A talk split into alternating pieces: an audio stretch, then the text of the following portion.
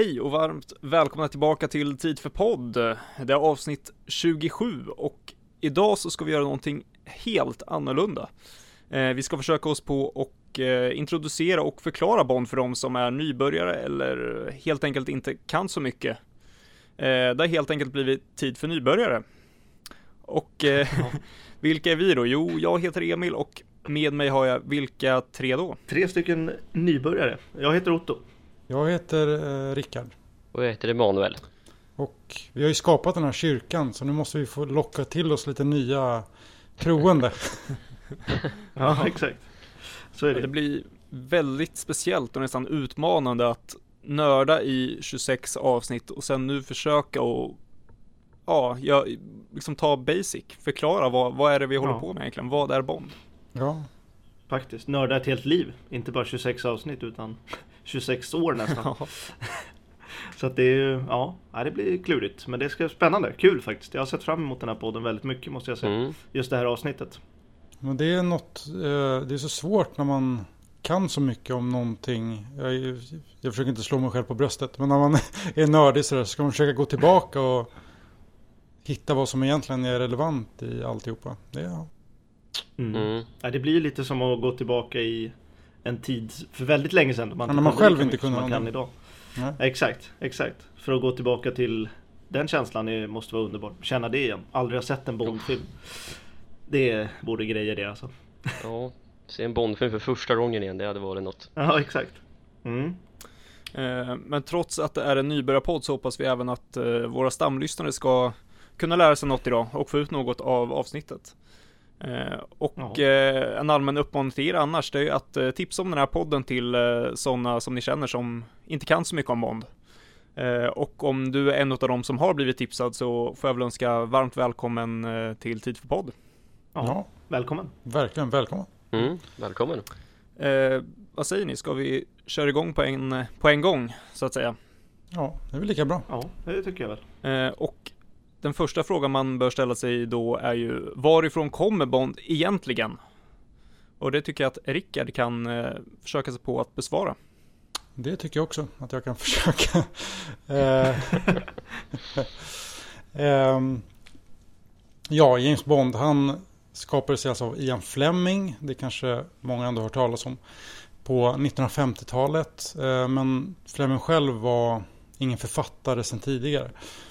Eh, Casino Royale, den första boken om Bond, blev hans debut. Och förutom då hans 14 böcker om Bond så skrev han faktiskt bara tre andra böcker och hade ett ganska kort liv som författare. Eh, han föddes i London. Eh, hade en ganska välbärgad uppväxt. Spenderade sina tonår på anrika Eton College. Och började sen därefter hoppa runt på många olika skolor med ganska misslyckade resultat. Bland annat fick han sluta på Sandhurst Military College för att han fick gonorré. Eh, och där, därefter så drog han ut till olika universitet och privatskolor i utlandet. Eh, Fleming var inget läshuvud. Han presterade ganska dåligt i akademiska ämnen. Men som alla välbärgade familjer så brukar det inte vara ett större problem. Mamman fixade ett jobb åt honom på nyhetsbyrån Reuters. Eh, en, han jobbade där ett par år. Sen bröt då andra världskriget ut det som skulle forma väldigt mycket av han som person. För han eh, rekryterades som assistent till chefen för flottans underrättelsetjänst. Och blev ganska djupt involverad i flera operationer eh, bakom linjen så att säga. Bland annat en operation som de kallade för Goldeneye. Som var en plan att samla underrättelser, underrättelser i Spanien inför en eventuell tysk invasion. Och den här operationen ledde då Fleming själv. Och senare under krigsåren så var det på Flemings initiativ som han skapade enheten Number 30 Commando.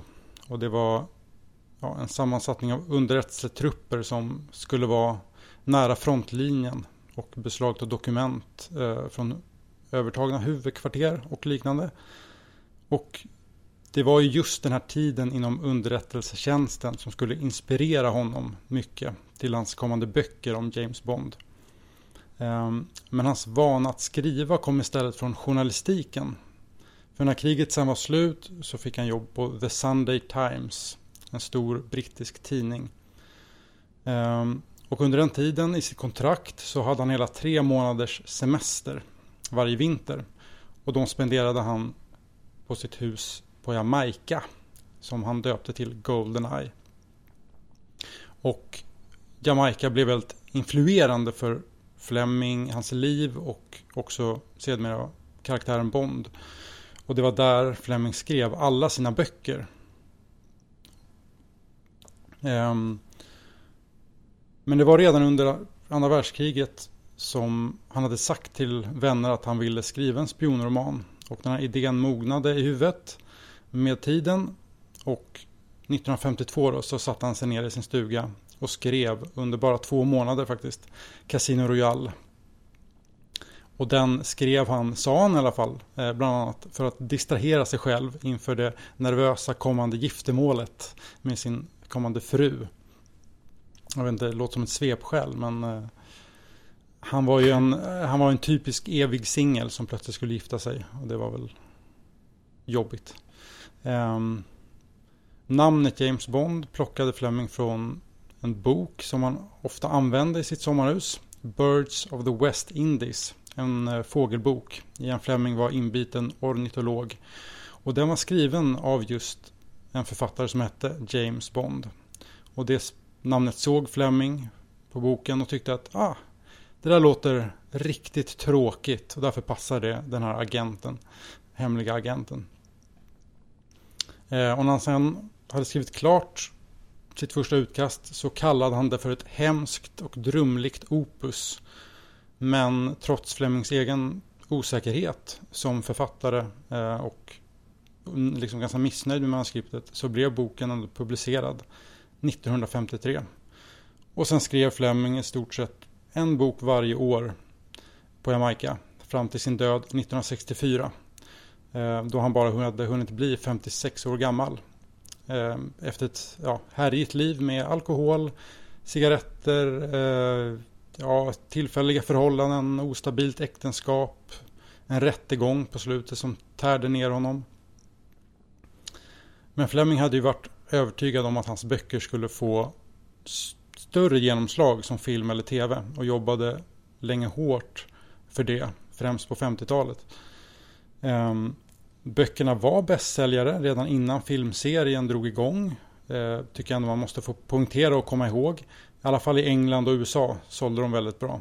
Men självklart så drog försäljningen igång markant när filmerna gjorde sitt intåg. Och då hade ju Flemings övertygelse varit helt rätt. Och eh, som vi, som vi alla vet och jag gissar att alla nybörjare där ute också vet så är det ju filmerna som är grejen. Självklart. Eh, Medan Flemings böcker är relativt sett eh, bortglömda. Det är väl vi fans som, eh, som håller fast vid dem eh, som, som mest. Även om de väl fortfarande säljer lite grann. Ehm, mm. Ja, det var bara en liten kort Fleming intro. Eh, och man kan väl också lägga till där för eh, de som kanske är mer intresserade av litteratur där ute, det är ju det att det faktiskt fortfarande kommer böcker om James Bond av andra författare. Eh, ja. Tyvärr så översätts de inte till svenska, men det kommer fortfarande böcker om James Bond. Ja, det är ganska intressant faktiskt att de, de då som hade hand om rättigheterna för litteraturbond efter att Fleming dog så så fortsatte ju de, framförallt på 80-talet. Från 80-talet och till nu, tills nu har det nästan skrivits böcker konstant. Mm. Mm. Eh, men då innan vi går in på filmerna och det, så Fleming skapar en karaktär, James Bond, och eh, jag vet i alla fall att vi fyra som sitter här har lite olika bild om exakt vem den här karaktären är, men om vi ska försöka och förklara och kanske sätta James Bonds karaktär i ett nötskal. Vad skulle du säga då? Vad är, vem är James Bond egentligen? Ja, det där är ju den eh, ständiga frågan och det, det är ju intressant just det här att man kan interpretera Bond på så olika sätt. Man kan se honom ur olika synvinklar. Men för mig så ska han väl egentligen egentligen vara lite av ett enigma som vi kanske gärna inte ska få veta så jättemycket om. Och det är väl det som gör det lite fascinerande. Man kan läsa in lite vad man själv vill. Jag kan se lite av mig själv i Bond för att jag väljer att spegla han ur mina eh, perspektiv. Och det hjälper ju inte en nybörjare överhuvudtaget. Men... Eh, eh, jag vet inte vad... Ja, jag tycker det är en svår fråga. Det första som kommer i mitt huvud när jag tänker Bond, det är ju hans eh, pliktkänsla. Mm. Den har vi varit inne på tidigare, att han är, väljer nästan alltid, nio av tio fall, uppdraget framför, eh, framför vännen, liksom, om, det, om det krisar. Eh, och det känner jag, det är kärlek för Storbritannien och eh, pliktkänsla, det är väl de två grejerna som karaktäriserar honom egentligen. Ja, men han är ju ändå en, en karaktär som drivs av sin pliktkänsla och som på något sätt är medveten om att hans yrke är farligt. Han vet om att han lever varje dag som att det vore den sista. Och därmed så finner han det mer fina i livet. Han äter den bästa maten, dricker det bästa man kan dricka, han är med kvinnor och allt det där. Och det gör ju att hans, ja. hans karaktärsdrag sticker ut i mångt och mycket mot andra kanske mer traditionella hjältar som bara drivs av pliktkänsla. Men eftersom att Bond har det här sättet att leva så blir han ju lite så kallat larger in life kan man ju säga. Mm. och det är viktigt att komma ihåg också att Bond gillar inte sitt yrke egentligen även fast han drivs av viljan att göra rätt kanske. Och precis som Rickard säger så är det det som gör att karaktären blir väldigt fascinerande och det finns väldigt mycket att läsa in i honom.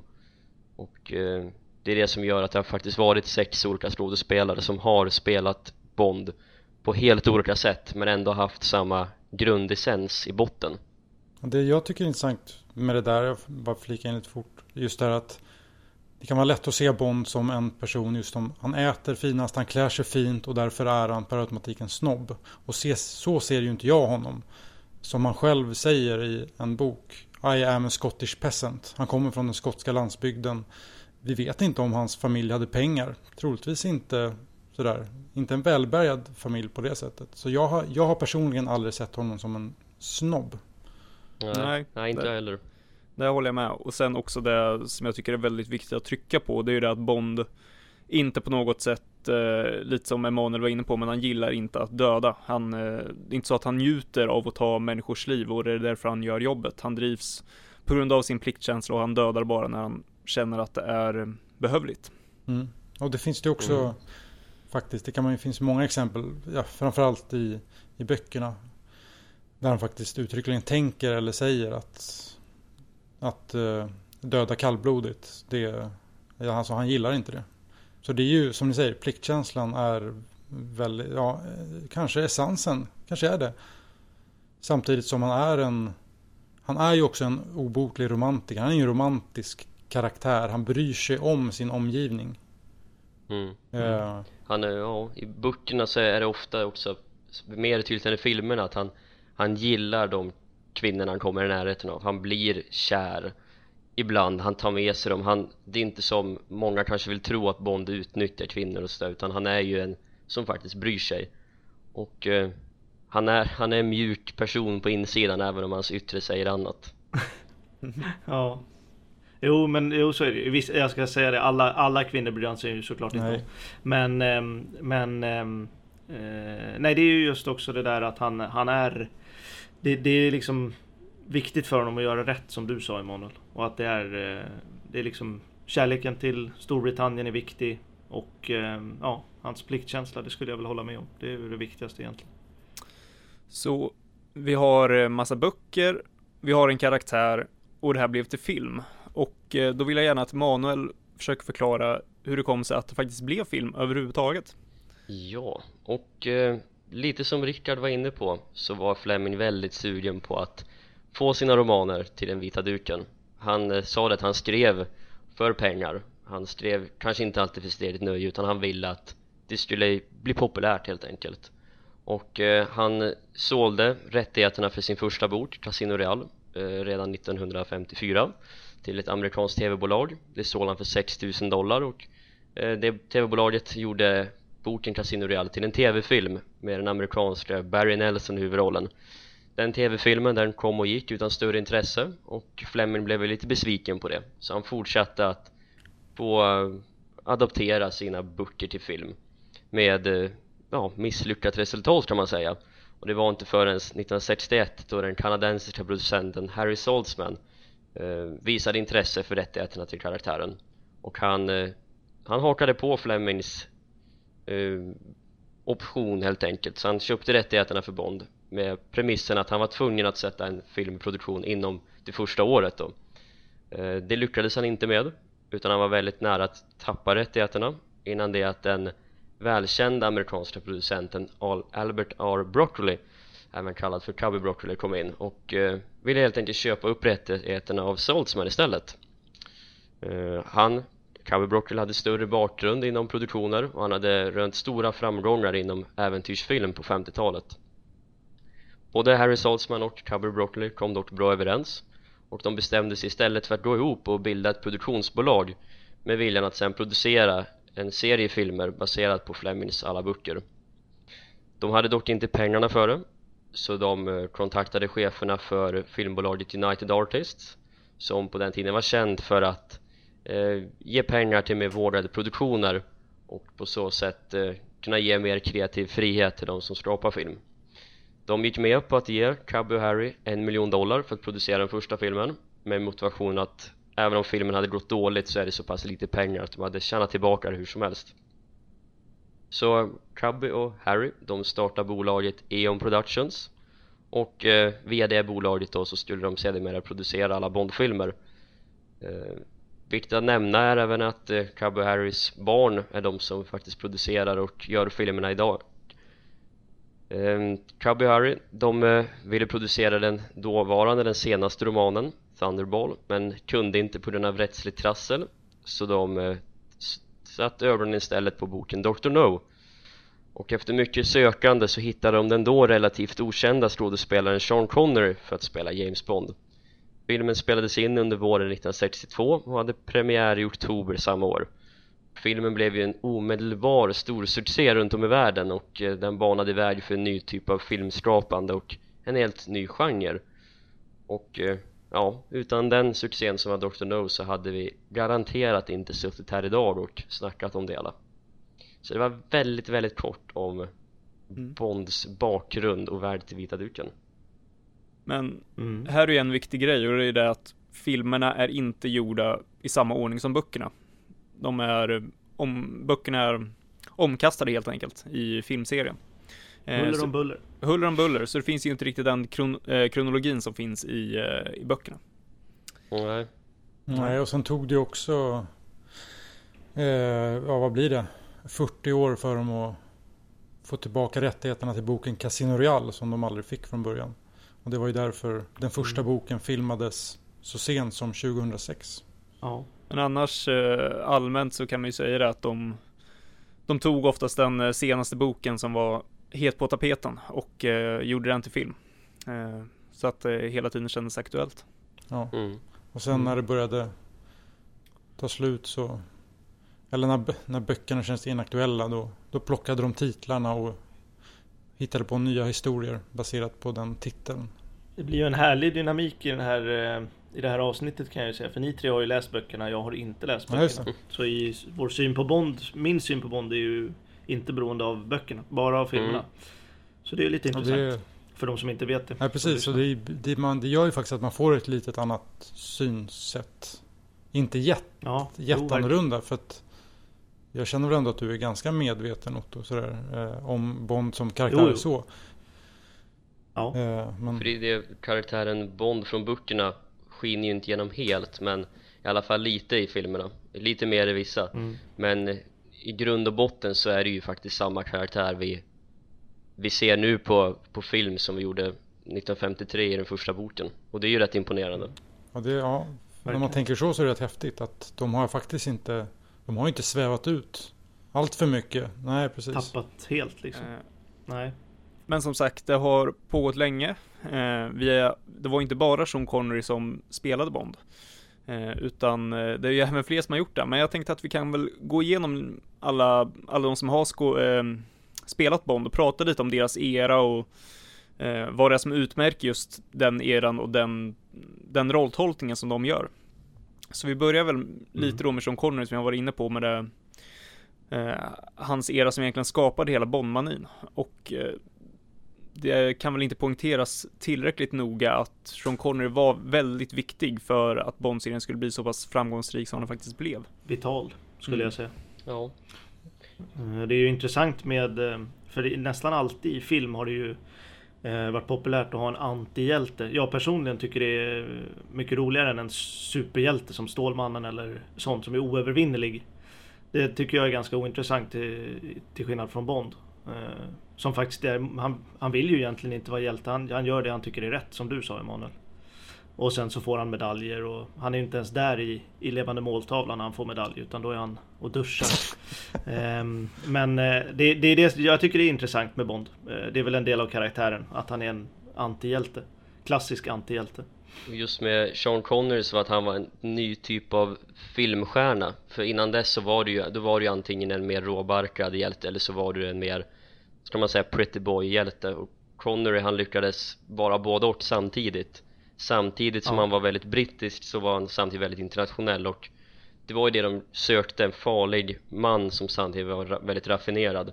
Och det tror jag verkligen jag vände upp och ner på vad som en, en manlig skådespelare, en manlig superstjärna ska vara på den tiden.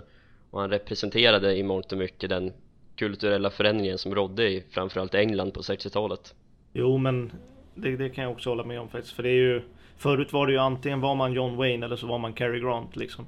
Det var ju de, de två De två karaktärerna mm. egentligen om man ska säga så. De två skådisarna som Som rådde på 50-talet och, och, tidigare också. Men eh, just Conrys porträttering. Hans, jag skulle ju säga att hans Hans största Alltså hans, hans största bästa egenskap är väl just hans Hans eh, eh, blandning av fara och romantik i hans sätt att mm. vara. Jag tror alla Bondarna egentligen som har pratat om honom, eh, alla skådisar som har spelat Bond har väl sagt att han kan ena stunden eh, kyssa en kvinna, nästa stund sticka kniven i henne. Och det är väl det som egentligen symboliserar Connery för mig, att han kan switcha när som helst. Och det tycker jag symboliserar Connery i alla hans filmer egentligen. Ja, ja men han, han grundade karaktären och men ändå gjorde honom mer storslagen och det är just det att han hade ena foten i vad Bond var från litteraturen och sen vad det förväntas vara i en stor produktion och det är fortfarande det skådespelarna som spelar Bond nu vill efterlikna på något vis och det intressanta är också att de plockade då Sean Connery som var en okänd skådis och eh, från liksom skotska landsbygden hade liksom egentligen fel, fel stil för Bond. Och så tog Terence Young som då var regissör för den första filmen, tog Sean Connery och lärde upp han hur man liksom hur man klär sig och hur man dricker sitt vin och sen och så hade man liksom en perfekt James Bond. Det är... Ja. Och eh, man måste väl ändå poängtera också att Bond-serien utvecklades ju också något enormt under Connery i eh, i vilken typ av filmer som de gjorde. Det började ju med väldigt täta spionthrillers, sen blev det mer storslagna äventyrsfilmer. Eh, så det är också viktigt att komma ihåg att alla Connerys mm. filmer är ju inte exakt likadana. Och det här märker man ju givetvis även hos de andra skådespelarna. Eh, så när man pratar om en era så är det egentligen Det händer ju väldigt mycket under den eran e-, egentligen. Ja, jo verkligen. Verkligen. Det var väl eh, lite anledningen till att han tröttnade också. Det blev too much hardware som han sa. Mm. För mycket gadgets. Ja, ja, men det är intressant det där att nämna att i de första filmerna med Connery så har man som det som sen har blivit Bond där man egentligen har mycket av de elementen som har gjorts senare det är liksom det hela det vi vet om Bond finns redan i de fem första filmerna ja och sen kommer en skådespelare som är jag vet inte om jag vill kalla honom för det svarta fåret, för det låter lite negativt, men han har ju George Lazenby, han gjorde ju bara en enda film. eh, och ja. eh, den är ju väldigt omdiskuterad. Eh, ja. Vad, eh, vad vill vi säga om honom? Och eh, den korta, korta eran på en film. Ja, ja men alltså han... Eh, ja. Vad skulle jag säga? Nej men hans film blev ju inte... Det, det, det, det var ju inte en flopp på det sättet som man ibland hör. Men den drog ju inte in lika mycket pengar som de tidigare filmerna. För här hade det kommit upp Connery var superstjärna. Han liksom, Bond-serien levde på Connerys namn. Så bara, va? Ja. Kommer en film med en annan snubbe? Det är ju Det är ju, det är ju samma sak som att jag älskade Bourne-serien. Men när de gör en fyra med Jeremy Renner, inte fan går jag och tittar på den. Alltså det är lite samma eh, grej sådär. Ja men det är ju lite som, eh, som eh, det är väl, han, Connery hade väl lite samma om man ska jämföra med för svenskar i alla fall, just som kanske Zlatan hade i landslaget. Att det var han som allt kretsade kring, han var stora stjärnan. Mm. Och sen hade man liksom tio andra statister egentligen, på, på ett sätt.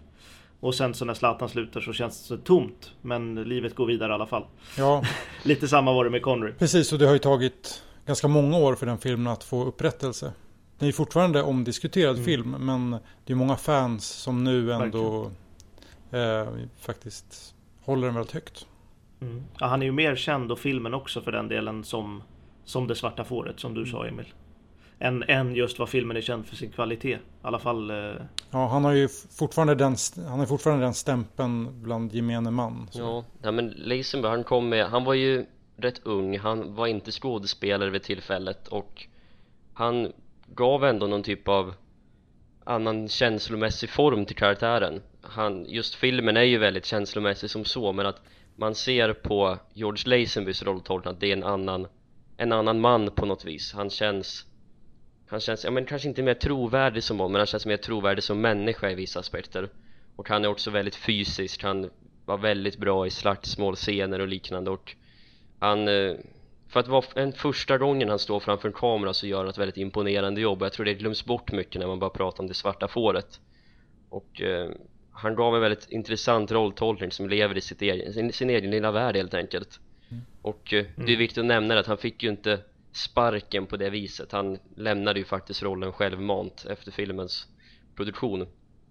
Ja. Ja, det är väldigt viktigt att poängtera. Ja, eh, verkligen. Och för, Jag tror att när gemene man tänker klassisk Bond så är det ju två namn som man tänker på. Det är Sean Connery och det är Roger Moore. Roger Moore är ju den som har gjort eh, flest filmer, hela sju stycken. Eh, och här finns det, det finns ju väldigt mycket att säga om hans, hans era som så. Men eh, om man ska försöka förklara honom så är det väl att filmerna de började ta en lite annan riktning under 70-talet och hade egentligen börjat lite tidigare. Men det här eh, accelererade lite när Roger Moore tog över. Ja, verkligen. Ja, nämligen att eh, filmerna blev eh, lite mer lättsammare. Eh, inte den här täta spionthriller som som de tidigare Connery-filmerna var, utan det blev lite mer äventyr, lite mer lättsamt. Eh, och Roger Moore med sin, eh, med sin charm gjorde ju också rollen lite mera, lite mera familjär, inte lika hård. Eh, inte lika hårdnackad helt enkelt. Lite mera glimten i ögat och bara vara charmig helt enkelt. Ja, det blev väl mm. lite mer, om man ska vara hård, familjefilm över, över det hela. Uh... Ja, mer lättillgängligt för fler. Ja, precis. Eh, det tycker jag. Jag tycker det, det Con Moore var ju bra på det sättet att han var egentligen Conrys motpol. De ville ju göra allt som Conry inte hade mm. gjort med, med Moore. Eh, så att, ja, det är, det, det är väl därför många håller Conry och Moore som de två de två bästa liksom. Så har det varit i alla fall förut. Nu har ju Craig kommit också men Men eh, det är ju de två som hade slaget om Bond ja. på 80-talet de står ju som på varsin sida av, av spektrumet av karaktären och det är väl det som gör att de är så pass omtyckta än idag och just Moores mm. filmer och Moore själv då var ju hela Bond-serien genom en rätt turbulent period där både gick upp och det gick ner och det var väl också det som mm. gjorde att hela familjen kunde kolla på Bond just för att filmerna blev mer äventyrsriktade och det är väl det också som gjorde att filmerna lever än idag att du kan ta med dig dina ja. barn, du kan ta med dina föräldrar och gå iväg och kolla på en Bondfilm och det tror jag vi har tackat mycket Roger Moore för faktiskt och hans filmer Ja, alltså han, han var ju den perfekta eh, människan och skådisen som han är för att bära en serie mm. och Bond då, då. Han är ju född i London, ärkebritt och också en eh, jävligt trevlig människa mm. liksom. Som folk gillar att arbeta med och gillar att se på och, och ja, alla tyckte om honom verkade det som. Um, så han var väl den perfekta skådisen att ta över och, och, faktiskt bära, som du sa, genom ganska turbulent tid. Bära serien. Han, ja, precis. Han visar vad Bond kunde vara på ett annat sätt helt enkelt. Mm. Och då kan man antingen gilla... Och körde det all the way liksom? Ja, nej men precis. Då kan du gilla det hårdare Connery eller det lite mer mjuka Moore. Ja. Eh, och eh, sen är vi redan inne på, på 80-talet, mitten av 80-talet. Eh, Roger Moore blev ja. för gammal helt enkelt. Han är den äldsta skådespelaren som har spelat Bond eh, när han gjorde sin sista ja. film. Och då kommer en man som heter Timothy Dalton in. Och då jäklar började det hända lite grejer kan man väl säga. Eh, hans filmer och rolltolkning var väldigt annorlunda mot den som han hade vant sig med i sju filmer. Eh, det var lite mera tillbaka till Fleming kan man väl säga med hans första film och det blev en lite mera hårdare, hårdare film. Eh, eh, hårdare Bond. Speciellt den andra filmen som är väldigt omdiskuterad i Bondkretsar. Eh, men ja, några steg tillbaka får man väl säga i, i hur Bond ska vara och hur Bond är. Eh, och synen på vad Bond, vad Bond där och då skulle vara. Ja, och Timothy Dalton han var ju väldigt öppen med att han ville göra Flemings Bond. Det var det han försökte och det var det han tyckte var intressant. Eh, så ja. det blev ju en, ja, ett radikalt skifte som du sa mot vad Moore hade hållit på med. ja. Eh, och det var väl det som gjorde också att det sålde lite svårt. Alltså att, att Dalton inte riktigt gick hem hos alla. För att man hade vant sig vid, vid att Bond ska vara lite humoristiskt och lite lättsamt. Sådär. Ja. Jo, dels det och sen att han inte var den här publikfriaren som Roger Moore mm. var eller Sean Connery blev. Eller Brosnan när han kom in sen. Men det var ju, han var ju ganska okänd för, för folk som, för gemene man. Så var det ju liksom, det var inte Harrison Ford som tog över liksom. I eh, kännedom liksom. Nej. Nej men han var ju en mm. dramatisk skådis. Lite, lite mindre filmer gjorde han väl mest. Ja, jo exakt. Och mycket teater. Ja, han eh, kom ju med en helt annan tyngd till karaktären. Och eh, det var ju i bakgrund mot de andra filmerna som kom i slutet på 80-talet så var det väl kanske lite svårt för just Bond-filmerna med Dalton i spetsen att vara ny men ändå hedra det gamla traditionella då det fanns så många andra mer spännande eh, inom situationstecken actionfilmer som Die Hard och Batman och så. Så de hade ju svårt att profilera sig under den här tiden och det har väl gjort att i efterhand har Dalton fått väldigt mycket skäll av framförallt allmänheten att han inte var så intressant som skådespelare eller som Bond. Nej. Nej, Dalton får väl ganska mycket skäll av, av samma anledning som Lazenby får. Att det var, de, tänk, de tittar inte så mycket på filmen utan de känner inte till skådisen och då tycker de inte om filmerna också mm. heller. Det är väl så folk eh, ser på det egentligen, gemene man också. Ja, jag, jag, jag, kan också få en känsla ibland att man buntar ihop Lazenby och Dalton som ah, Det var de där som gjorde så få, de är säkert inget bra. De, de behöver inte mm. titta, Nej, de, man behöver inte titta på de Nej. filmerna. Eh, vilket jag väl tycker Nej. är lite fel inställning. Jo det tycker jag också. Problemet med de filmerna var ju att de var lite fyra på bollen. Det hade ju redan kommit Die Hard, ja. Lethal Weapon. Som du sa, Indiana Jones hade också kommit. De var liksom i slutet av 80-talet när den här hårdnackade, lite hårdare filmerna hade funnits i liksom 5-6 år redan. Och då kommer den i slutet av 80-talet. Så att det var ju lite sista minuten kändes det som. Men ni ska absolut se de filmerna om ni inte har gjort det. Det tycker jag. Definitivt. Verkligen. Eh, det är väl lite för oss förtydliga, det är väl lite vad Craig har gjort nu med serien. Gjorde Dalton då, men det var inte rätt i tiden bara. Ja, det är ju ganska bra sätt att uttrycka, uttrycka det egentligen. Eh, men den skillnaden att Craigs filmer blev dundersuccéer och det blev inte Daltons. Exakt. Men Nej. jag tror man kan... Men gillar man Craig så gillar man nog Dalton. Ja, det tror jag. Yeah. Man kommer känna igen sig väldigt mycket i vad han, han försöker göra tror jag. Och sen mm. blev det ett väldigt långt uppehåll på hela sex år innan eh, en man som heter Pierce Brosnan klev in i, i bilden och gjorde fyra filmer. Och mm. här togs eh, Bond-serien i en ny riktning igen. Det hade nu kommit andra typer av actionfilmer och eh, ja, vad, hur skulle ni vilja beskriva Pierce Brosnans era och hans, hans filmer i stort? Eh, ja, Alltså det största, den största skillnaden var väl egentligen att det här var den första filmen som gjordes efter kalla kriget. Och som inte hade det som egentlig vad ska man säga, backdropen var ju, de, den utspelar sig ju i Ryssland i det fallna Sovjet om man säger så. Men eh, det, det, var ändå, vad ska man säga, en film som inte hade eh, kalla kriget som huvudpunkt utan det var mer terrorism och, och sånt som, som spelade in i, i Brosnans filmer. Eh, vilket var en, en förändring, minst sagt. Ja, det intressanta var väl också att i och med det här uppehållet så var det ju allmänheten som var väldigt frågande så här, jaha, kommer Bond komma tillbaka? Är det slut? Var, vad är det som händer? Exakt. Och då, då väljer de att komma tillbaka och försöka göra Bond modern fast fortfarande hålla kvar i det klassiska. Vilket väl gör, Mm. Nu blir det lite personligt vad jag kanske tycker, att de inte riktigt vet vart de ska stå. Ena stunden känns det lite Connery sådär och nästa stund så är det lite Moore.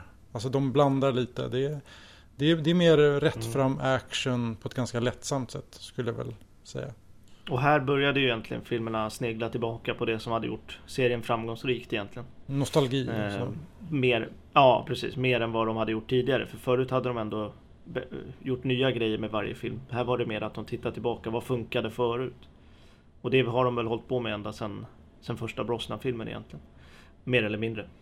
Ja och sen eh, det som många tänker och så det var att Dalton var en misslyckad Bond och att hans filmer kanske var anledning till det sex så långa uppehållet och det var ju inte riktigt fallet men jag tror de som gjorde Bond-filmerna de kände nog i mångt och mycket att de behövde göra en klassisk Bond-film och därmed behövde de en klassisk Bond, vad allmänheten anser är klassiskt så Brosnan kom ju väldigt rätt i tiden och han, han var en väldigt perfekt cocktail av allt vad de tidigare Bondarna hade kommit till, kommit med och eh, Mm. han resonerade ju väldigt mycket med biopubliken och hans filmer var ju alla storsuccéer de drog ju alltid in mer pengar än den tidigare filmen och eh, ja, han var perfekt för sin era helt enkelt Ja, Bond, Det kan man ju säga om alla Bondarna Mm. egentligen.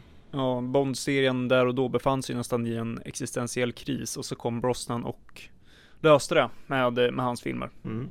mm. Ja, Eh, lite mera fokus på teknologi.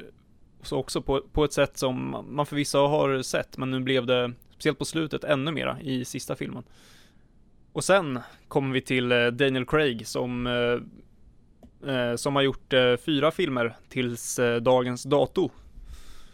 Och eh, Ja. återigen så eh, tas filmserien i en ny riktning. Det här är ju Mm. ett lite av ett tema, märker ni att eh, alla, alla bonderna har satt sin prägel på det. Och det är nog det som har gjort att det är så många åsikter som skiljer sig åt. Både om skådespelarna och filmerna. Att varje ny skådis har lagt upp något nytt på bordet och erbjudit någonting nytt. Och det är väl därför alla egentligen Bondarna nästan har sin egen lilla fanbase, om man säger så. Att de flesta gillar ju egentligen Connery och, och Craig skulle jag säga. Sen finns det ju många som verkligen försvarar Moore och må, några som försvarar Lazenby och Dalton och vissa gillar Brosnan. Så att det är ju intressant att varje film har sina, varje film och skådis har sina, sina fans. Det som är intressant med när Craig stiger in är ju att då ville de ju haka på den här lilla trenden med reboots eller prequels eller vad man vill kalla det för. Så att i, i hans första film så ser vi ju helt enkelt hur Bond blir agent 007. Och vilket gör på ett sätt kan man ju säga att att hela serien ända från 60-talet upp till 2000-talet är liksom det är en tidslinje på ett sätt. Med, och när Craig kommer in så, så är det nästan en ny tidslinje på något sätt. Även om det såklart fortfarande är samma karaktär. Ja, återigen så är det ju en Bond och en skådespelare för, för tiden vi lever i. Efter 9-11 och krig mot terrorism så kommer det in en mer cynisk Bond där världen är verkligen svartvit, eller inte svartvit. Eh, Och det har ju slagit helt rätt i tiden och det, även här är det ju viktigt att poängtera att Craig är Bond idag. Han, är, han har inte slutat som Bond helt enkelt så vitt vi vet. Och eh, alla hans filmer har varit enorma succéer och han har verkligen gjort någonting annorlunda med karaktären Och det har ju Mm. uppenbarligen varit väldigt uppskattat av de allra flesta i alla fall Ja, verkligen. Han är ju den som har kämpat mest i motvind kanske tillsammans med Lazenby. Innan Bond-filmen kom Ja, ut. verkligen Eh, Sin, sin första. Han fick ju utstå ofantligt mycket. eh, I och med internet och sånt så kunde man ju läsa mer också om Mm. det. Men han fick utstå ofantliga hatkampanjer när han blev Mm. Bond. Vilket kanske inte många känner till nu när han, när han är unisont hyllad egentligen. Så det är ju viktigt att poängtera. Ja, absolut. Men eh, så fick han göra fyra filmer och folk insåg att han är väldigt bra som Bond. Mm. Ja, exakt. Men nu när vi har pratat lite om varje skådis, det finns sex stycken som sagt och det finns 24 filmer. Om man nu inte har sett speciellt många filmer eller inte har sett någon till och med. Vart ska man då börja tycker ni? Den här frågan vet jag att vi har diskuterat och jag har diskuterat den med många och med mig själv också. Eh, att vilken film egentligen är det som verkligen kanaliserar allt Bond och brygger ner det till, en, till ett koncentrat liksom. Och det, för mig är det egentligen två filmer som, som det handlar om. Det är antingen Goldfinger från 1964 med Sean Connery eller The Spy Who Loved Me från 1977 med Roger Moore. Då får man egentligen om ni som lyssnar nu är nybörjare och inte kan så mycket om Bond så kan ni skriva upp tio saker som ni tror ska vara med i en Bondfilm. Sätta på någon av de här två filmerna och bocka av alla. det kan jag lova er. Så att det, det är ju egentligen de om man ska introduceras till Bond, vad Bond är och förväntas vara så är det ju de två, i alla fall i mitt tycke. Ja, men det intressanta är också att det, det är frågan nu om man vill om man vill locka någon ny. Det kan också vara svårt för jag tror att om man, om man kommer till Bond nu, där vi är nu, 2017, där man ändå får säga att filmer generellt gärna är i alla fall lite åt det mörkare hållet. Eh, och har varit det i ett, ja, tio år kanske. Eh, mm. Så kanske det just inte är de man ska börja med. Det kanske beror på lite vad, vem, vem det är som frågar egentligen. Mm. Um, vill man, en, en, yngre, en yngre person kanske egentligen ska börja med Casino Royale faktiskt. Om man vill få den att fastna. Mm. Ja. Uh, men, ja. men, men jag som överlag alltså, gillar estetiken kring 60-talsfilm. Jag skulle ju egentligen rekommendera From Russia With Love. Tror jag. Ja, jag hade ju hållit föredrag för några skolklasser för några veckor sedan. Och eh, det var i syfte egentligen att introducera ämnet Bond i en uppgift de skulle göra. Och eh, då fick jag uppdrag att ta fram en Bondfilm för att introducera hela Bond-serien. Och för mig då stod det mellan antingen Goldfinger, Goldeneye eller Casino Royale. Och eh, då kändes det som att det mest självklara valet för just den målgruppen skulle vara Casino Royale. Alltså 17-18-åringar och eh, men det som Rickard säger, beror på vem lite man vill introducera till. Annars så tror jag att Goldfinger hade fungerat lika bra också just då den är så pass otroligt ikonisk. Så för mig är det Goldfinger mm. eller Casino Royale Ja, jag, jag, skulle också kunna Jag vet inte, just när man tänker på det ikoniska eh, Ja, det kommer ju in Otto lite sen med musiken men Alla känner till låten Live and Let Die. Så att på det sättet skulle också den filmen kunna också vara en bra inkörsport. Eh, men, mm. ja, men det är svårt alltså. Faktiskt. Ja, det beror på lite vad man gillar för filmer också. Gillar man just det här, är man liksom som du sa Emanuel och ni har varit inne på, är man liksom tonåring idag, sen tonåring liksom och är van vid mörkare filmer. Eh, alla Christopher Nolan. Så kan man nog börja med Casino Royale. Eh, men gillar man mer äventyrsfilmer och, och sånt så är det ju bra att gå tillbaka till just Goldfinger mm. eller The Spy Love Me som jag sa. Så det är väl lite vad man har för preferenser också ja. ja för... som egentligen spelar in. För annars är det lätt så att säga att, säga att men ska man börja med en filmserie, börja med den första. Just i Bond-serien så tror jag det inte kanske optimalt att introducera med Dr. No, för den är så pass annorlunda mot vad sen Bond blev. Ja, inte för att den är dålig tappar man intresse, men för att man kanske inte förväntar sig allt som är med Nej. där. Just. Och Bond behöver man inte se kronologiskt, för den, ja. Nej. Um, är ja, fint. och det jag tänker också att om man en person som inte gillar actionfilm så tycker jag faktiskt att man ändå kan visa till exempel i hennes, hennes Majestäts hemliga tjänst eller The Living Daylights och så Casino Royale. Eller From Russia With Love. Ja, för de visar en, en annan typ av Bond också. En lite mer medmänsklig Bond mm. som kanske då tilltalar personer som, som vanligtvis inte gillar den här lite mer klassiska action-äventyrsestetiken. Ja, exakt. Där är ju mina filmer som jag rekommenderade ut ur leken direkt. till de, till de ja. personerna. Fast, ja, fast, ja. Men man kan ju bunta ihop eh, filmerna på många olika sätt. Ja, exakt. Gruppera in dem i, i så många olika, vad ska man säga, olika grupperingar. Eh, om man ska försöka att nå någon form av slutsats. Blir det då antingen Casino Royale eller Goldfinger, som jag tror att vi ändå kan enas om ganska mycket. Ja. Ja, det tror jag. Vi har ju alla nämnt de, de två filmerna. Jag tror det. Ja, men som ni märker så är det ju, det finns så otroligt mycket med det. Men eh, börja med någon av dem så, så tror jag det blir bra. Och om vi ska gå vidare på nästa grej, ni som har lyssnat på oss tidigare kommer väl kanske känna igen er lite i det, det som jag tänkte att vi ska ta upp nu, men det är när vi då har de här 24 filmerna, varför är vi så pass stor, stort fan utav dem? Eh, för mig så är ju svaret so, solklart, det är ju att karaktären Bond är en så pass intressant karaktär och så pass häftig och cool. Och det är ju där mitt intresse någonstans börjar och slutar med karaktären. Ja. Ja, och det Ja. skriver jag ju under på till 100%. Och jag vet inte om det var Mm. senaste avsnittet vi pratade om det. Men just det här, jag Jo fick upp ögonen för Bond någon gång i tidiga tonåren. Och det är ju en period när man söker efter inspirationskällor till hur man ska vara. Man, är fan, man har knappt kommit till puberteten, man fattar ingenting. Eh, ja.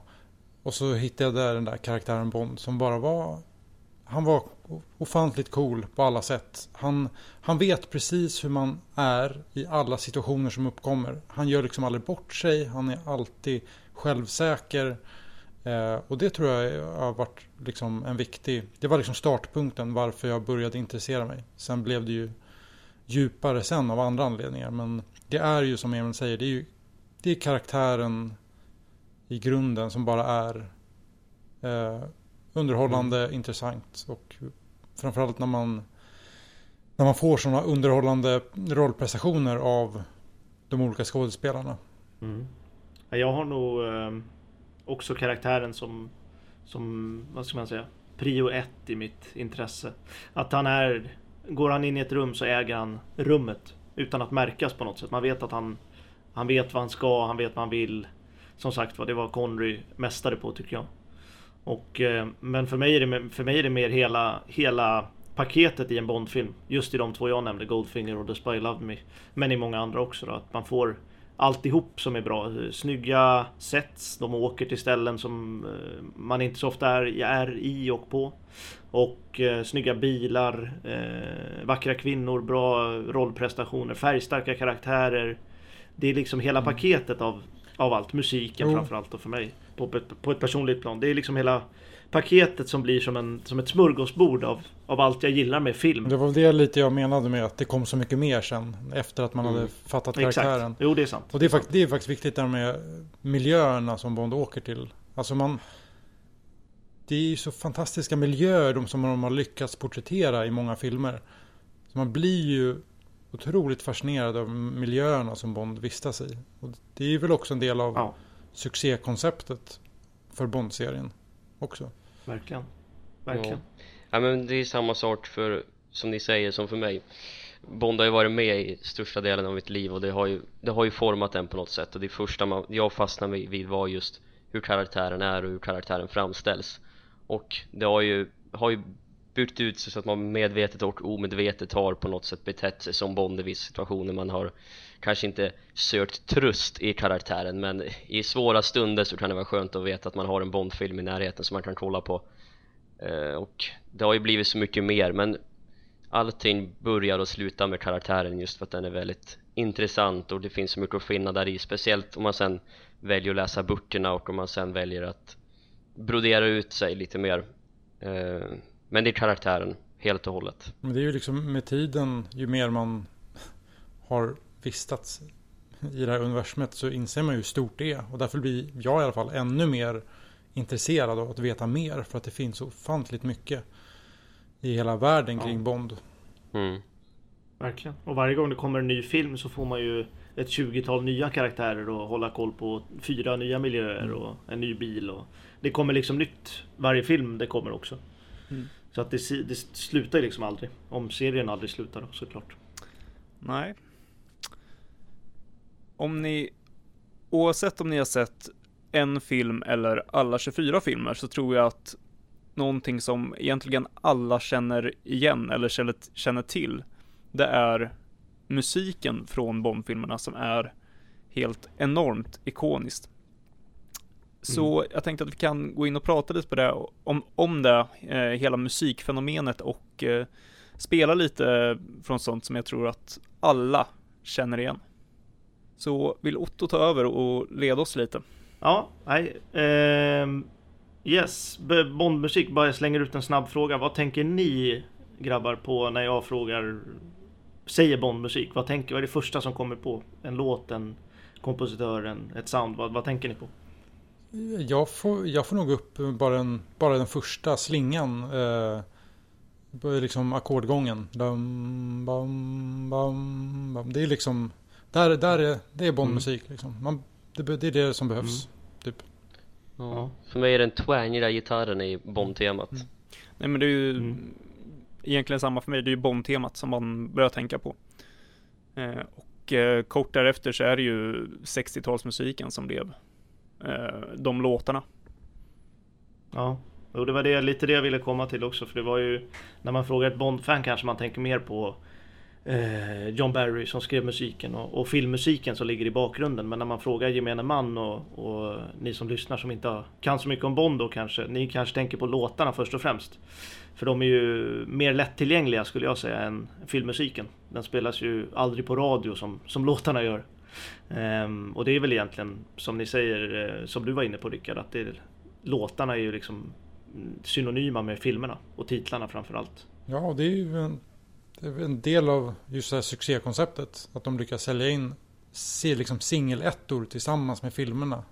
Ja. Tillsammans har de varit starka liksom ihop. Jo, exakt, Nej, det är ju egentligen det. Det är ju egentligen den enda, den enda serien som är så synonym med låtar skulle jag säga till varje film. För det, jag kan inte komma på någon serie egentligen som har som släpper så konstanta eller så konsekventa filmer med just musik och låtar till. Som verkligen marknadsförs som, som titellåtar på det sättet. Eh, och det har ju varit en av succé, eh, en, av, en del av receptet skulle jag säga till succén. Men eh, eh, som ni var inne på, Bond-temat först och främst eh, tillsammans med kanske Star Wars-temat, eh, Hajen och temat till den gode, den onde, den fule så är det väl ett av de mest ikoniska stycken musik som har skrivits till film. Utan att underdriva skulle jag vilja säga. Och eh, jag tänkte faktiskt bara spela lite av det helt enkelt. och eh, hur det har utvecklats genom serien. Så ett litet potpurri av Bond-temat kort och gott.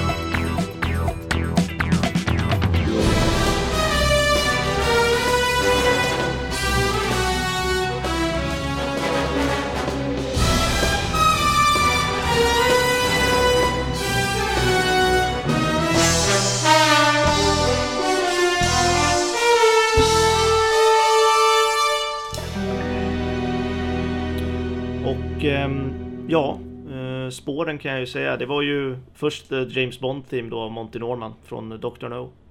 Och sen har vi ju eh, Bond-temat ifrån Live and Let Die. Och Bond 77 från The Spy Who Loved Me. Och sen har vi ju Company Car från Tomorrow Never Dies. Och eh, slutligen The Names Bond, James Bond ifrån Casino Royale. Fina grejer. Musik jag aldrig tröst, tröttnar på. aldrig tröstat mig med. eh, jag ska säga det också att eh, låtarna är ju eh, faktiskt ja, minst lika kända som många av låtarna i alla fall ska jag säga. Vissa är ju rättmätigt eh, bortglömda. Men eh, eh det är ju också så att låtarna som du var inne på Rickard, jag tänkte spela faktiskt ett medley av eh, en del låtar också, hur de har utvecklats genom serien. Och dels då börja med eh, ja, den mest klassiska av dem alla, Goldfinger. Och sen Live and Let Die av Paul McCartney och sen Duran Duran av uh, View to Kill av Duran Duran ska jag säga. Som också är en av de mest kända låtarna som Billboard 1 tror jag till och med att den var. Och uh, sen Goldeneye. Och uh, slutligen uh, Casino Royale och uh, Skyfall, You know my name från Casino Royale ska jag säga. Och Skyfall av Adele. så att vi kör.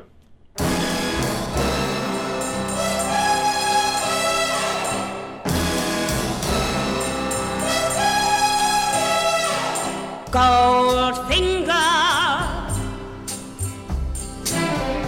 He's the man, the man with the Midas touch. A spider's touch. Such a live and let die.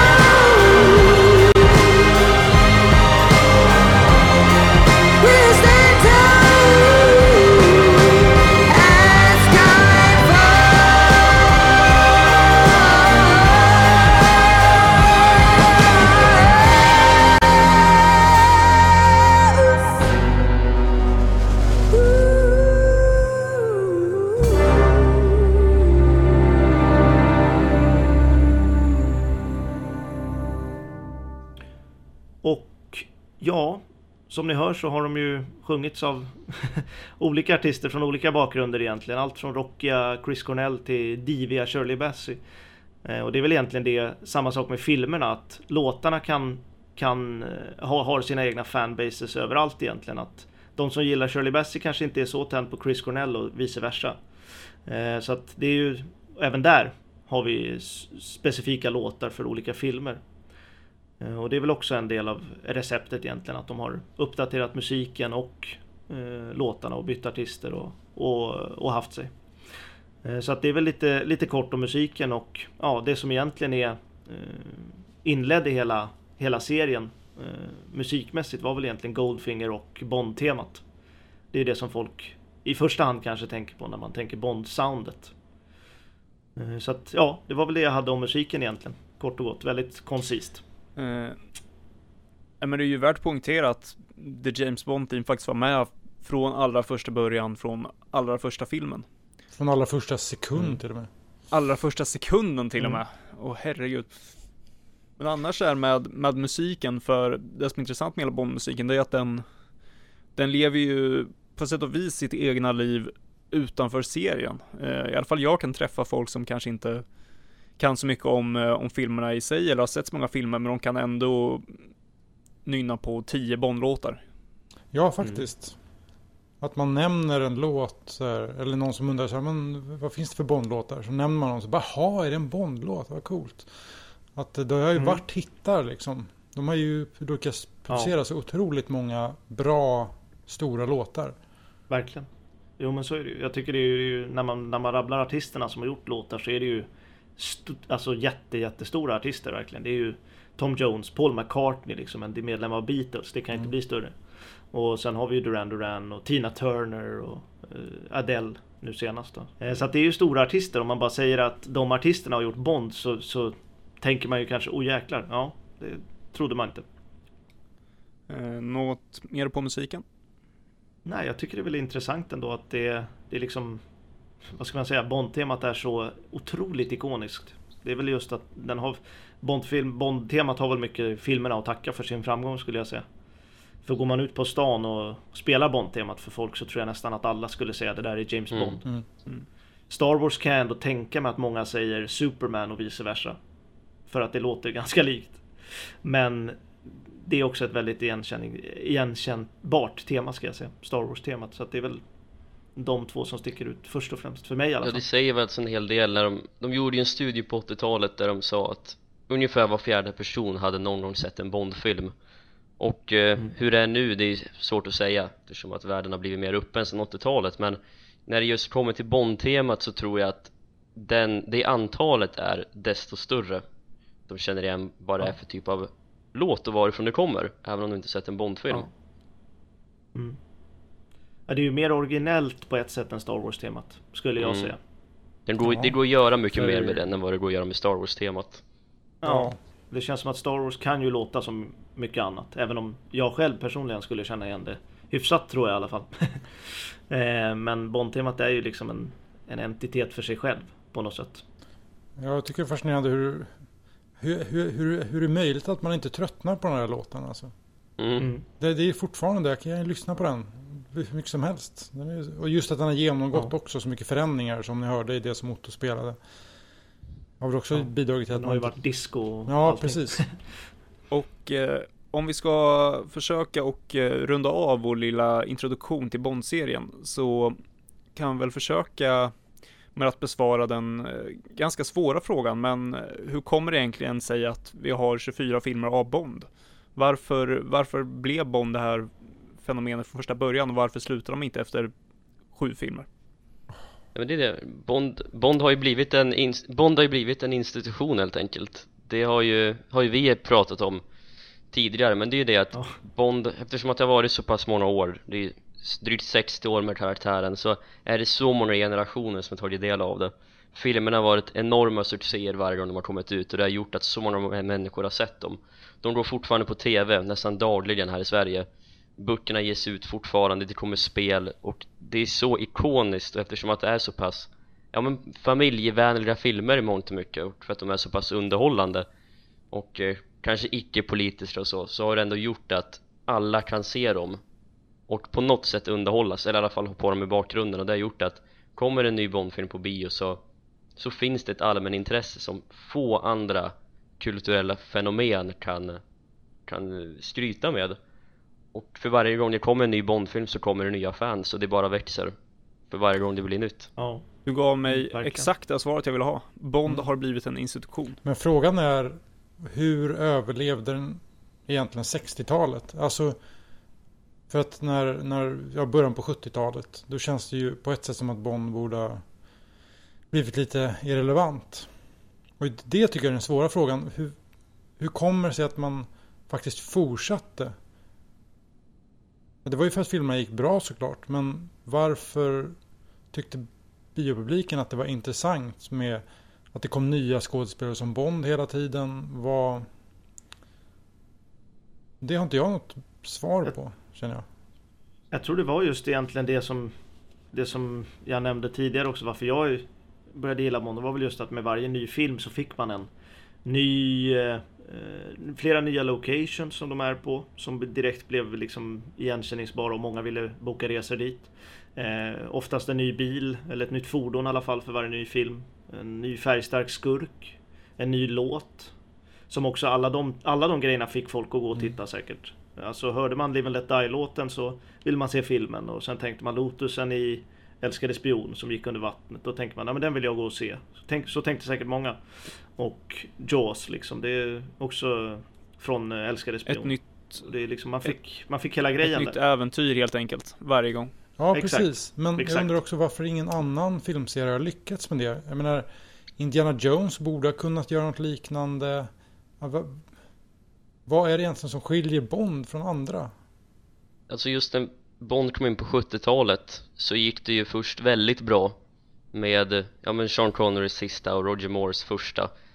Och sen gick det lite sämre innan de kom med Roger Moores tredje film. Men att jag tror det var mångt och mycket produktionsteamets envishet att fortsätta leverera Bond helt enkelt. Och till sist var det som att biopubliken visste att det kom en ny Bondfilm vartannat år.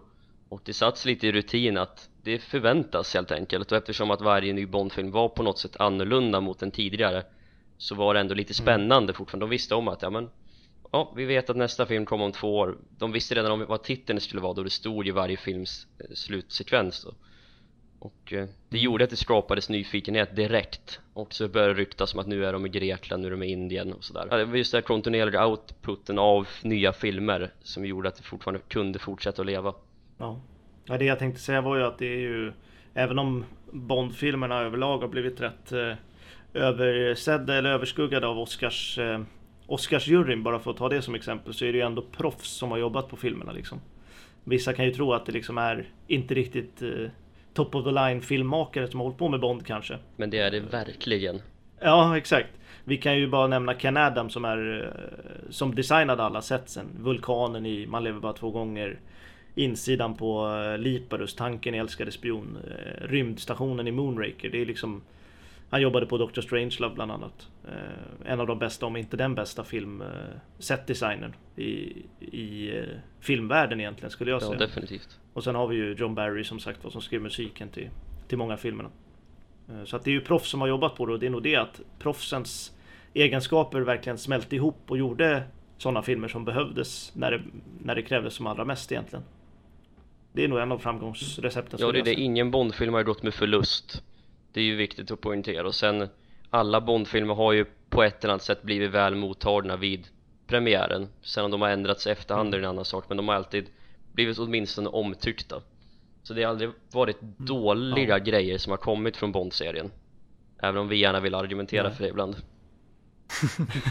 Ja, Ja. ja. Eh, ja, med det sagt, hoppas att eh, ni har gillat den här lilla nybörjarguiden till eh, James Bond och eh, även om ni är vana lyssnare utav oss hoppas jag att eh, även ni kanske har lärt er någonting i alla fall idag, fått med er något. Ja. Eh, Mm. Och eh, glöm inte att eh, följa oss på sociala medier, Facebook, Twitter, Instagram.